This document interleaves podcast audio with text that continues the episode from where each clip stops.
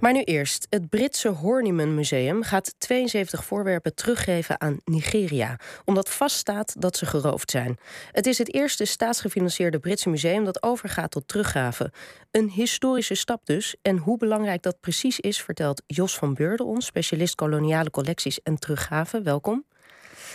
U doet al jaren onderzoek naar uh, roofkunst en restitutie. Deze discussie over de Nigeriaanse schatten woedt al heel lang in heel Europa.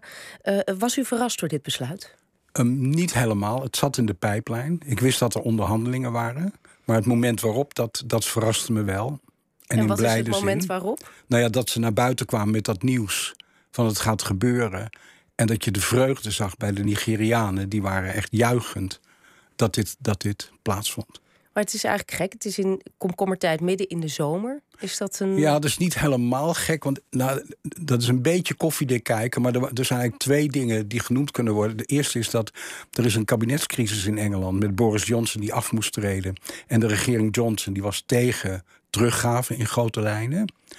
En dit Horniman Museum wordt gefinancierd door de Britse overheid. Dus die hebben misschien van die luwte gebruik gemaakt. En voordat er een nieuwe rechtse eerste minister zit die hetzelfde standpunt heeft. En het tweede punt was dat de, de Art Council Engeland, die is met. Uh, met beleidslijnen gekomen. Hoe moet je omgaan met teruggaven, met koloniale collecties en met onderzoek daarnaar? En eigenlijk, als je naar die beleidslijnen kijkt, dan is die presentatie van de uitslag van dat Horniman onderzoek en nu dat besluit tot teruggave, dat stemt overeen met die beleidslijnen. En ze krijgen ook heel veel steun van die Arts Council. Dus ik kan me zo voorstellen dat die twee momenten een rol hebben gespeeld. Um, we gaan straks hebben over de impact van, van uh, deze teruggave. Want juist omdat het inderdaad een staatsgefinancierd museum is, is, het, uh, is dit een belangrijke stap. Maar eerst uh, die voorwerpen, die worden gezien als schoolvoorbeeld van, van roofkunst. om welke voor, voorwerpen gaat het en wat is de achtergrond ervan? Nou, kijk, in 1897, je moet rekenen, Afrika werd eigenlijk in de tweede helft van de 19e eeuw ontdekt door Europa. En elk land wilde een stukje hebben. Dat is toen op de conferentie van Berlijn besloten, van 1884.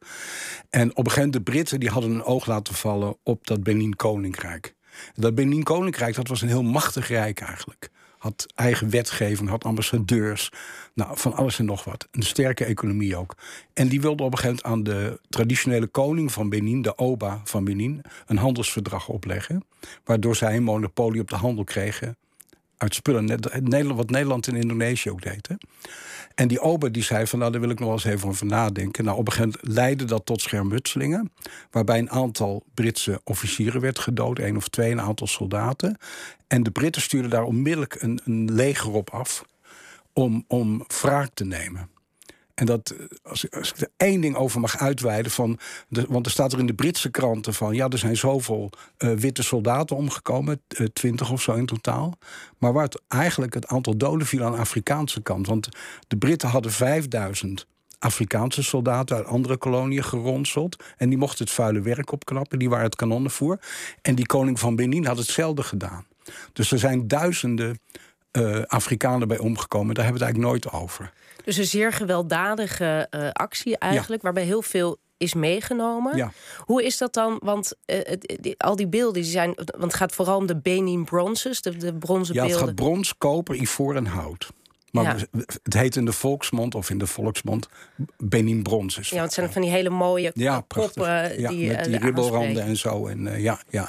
en die zijn over heel Europa eigenlijk uh, zijn ze terechtgekomen. Want ze zitten ook in andere musea. Ook wij hebben ze in Nederland. Uitgebreid, ja. Nou, wat er, gebeurde, wat er gebeurde was dat dat paleis ging in de fik.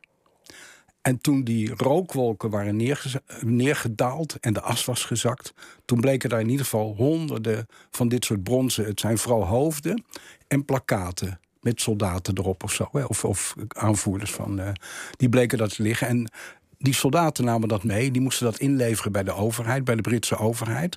Want vaak werd dat dan verkocht. Nederland deed dat ook met spullen in, uh, die ze in Nederlands-Indië veroverden. Werd dat verkocht om de kosten van zo'n expeditie te betalen. Nou, dat spul naar Londen, dat werd geveild. En talloze musea die hebben daar gekocht. Maar er waren ook veel objecten die verdwenen in de zakken van individuele soldaten. En die kwamen in de collecties van die families thuis. Terecht. Dus nou, en wat nou Horniman gedaan heeft, die hebben al. Want begin 97 was die strafexpeditie. En in april 97 zijn die al begonnen om uit die buit objecten te kopen. En daar hebben ze langzaam uitgebreid. En uh, nu naar, um, uh, naar, naar de teruggave. Want er hier is al heel lang discussie over. Wat, ja. wat, wat zullen we doen? Uh, het is dus heel duidelijk dat dit met geweld verkregen is. Dus eigenlijk een, een soort school, schoolvoorbeeld, zoals we ja. eerder zeiden. Um, gaat deze beslissing ook gevolgen hebben voor andere Britse overheidscollecties? Is dit, is dit echt een belangrijke stap? Nou, het is in ieder geval sowieso een belangrijke stap. Die overigens nog formeel goed moet, gekeurd moet worden door de Charity Committee in Engeland. Maar goed. Het, maar er is eigenlijk in Groot-Brittannië. Kijk, ons beeld van Groot-Brittannië wordt vaak bepaald door het British Museum in Londen. En dat is conservatief. Die willen die Parthenon marbles niet teruggeven aan Griekenland. Die willen geen Benin-objecten teruggeven aan Nigeria enzovoort. Maar er zijn heel veel andere musea die zijn veel verder. Dus eh, ik noem ze gewoon Aberdeen, Cambridge, Oxford, Bristol en ga maar door. Die zijn allemaal al bezig om terug te geven. Hebben daar besluiten toegenomen. Dus in die zin past het in de andere regionen in een trend. Maar laten we zeggen, voor het Brits Museum, dat blijft heel langzaam. En het is heel moeilijk om daar een inschatting van te maken. Ik weet alleen dat het, het rommelt binnen het museum. En als ik één vergelijking mag maken met een vergelijkbaar museum in Duitsland, dat is dat nieuwe Humboldt Forum in Berlijn, dat enorm grote Humboldt Forum. Dat is eigenlijk in een paar jaar is dat van anti-teruggave omgegaan in pro-teruggave. Dus er is wel degelijk eh, sprake van een cultuuromslag eigenlijk in heel Europa. Ja, dus ik kan me ook voorstellen dat, dat op een gegeven moment dat British Museum dat er in één keer iets verandert. Maar ik weet het niet. Ik kan niet voorspellen wanneer en en uh, als we naar Nederland uh, uh, kijken, want er zijn ook een paar van die Benning Bronzes in Nederland te vinden en andere objecten. Um, wanneer gaan wij ze teruggeven? Ja, dat is eerst even het aantal maar. Hè, van de meeste liggen in Leiden, in het Museum Volkenkunde. En het Museum Volkenkunde is onderdeel van het Nationaal Museum voor Wereldculturen. Dat heeft er in totaal 184 in zijn documentatie staan. Nou, dat is interessant die 184, 10 zijn er verdwenen, dat weet je niet. Maar van die 184 is van 114 bewezen dat ze direct verbonden kunnen worden met die roof in 1897. En het museum gaat er dus vanuit, nou, die, de eigendom daarvan zijn we kwijt. Nou heb je een tweede probleem, namelijk dat de, ze zijn staatscollectie. Dus we hebben de handtekening van de minister van Cultuur nodig. Nou, die minister van Cultuur die heeft in um, uh, een advies van de Raad van Cultuur gekregen in oktober 2020, waarin gezegd werd wat gestolen is, moet teruggaan. Die heeft dat overgenomen, grotendeels. Maar toen kwam de kabinetscrisis en nou ligt het vast. Dus de situatie is momenteel eigenlijk onduidelijk. En het erge van die, want ik denk dat dat het parlement er zo mee instemt dat het niet zo problematisch is. Maar het erg is, ze hebben de vaart uit dat proces gehaald. En dat is heel jammer. En waarom praten ze er niet over? Zijn er andere dingen aan de hand die belangrijk zijn? Ja, dat kun je wel zeggen in Nederland. dus het staat op de agenda, maar het is nog niet besproken. Maar als het wel wordt besproken, is jouw verwachting maar dat er is dus wel al bijvoorbeeld een restitutiecommissie... voor koloniale erfgoederen benoemd... die in het najaar aan de slag gaat. En die Benin-claim zal een van de eerste claims zijn die daar terechtkomt. En dan betekent het dat ze de eigendomsrechten overdragen. Maar het zou wel kunnen dat we ze nog uh, in bruikleen houden. Ja, maar de, de beslissing is dan aan Nigeria. Ja. En het kan zelfs zijn dat we dan gaan betalen.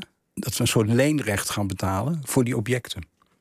Is dat een goede, een goede ontwikkeling wat jou betreft? Ja, het lijkt me prima. Ja. Lijkt me gewoon prima. Dat is ook normaal.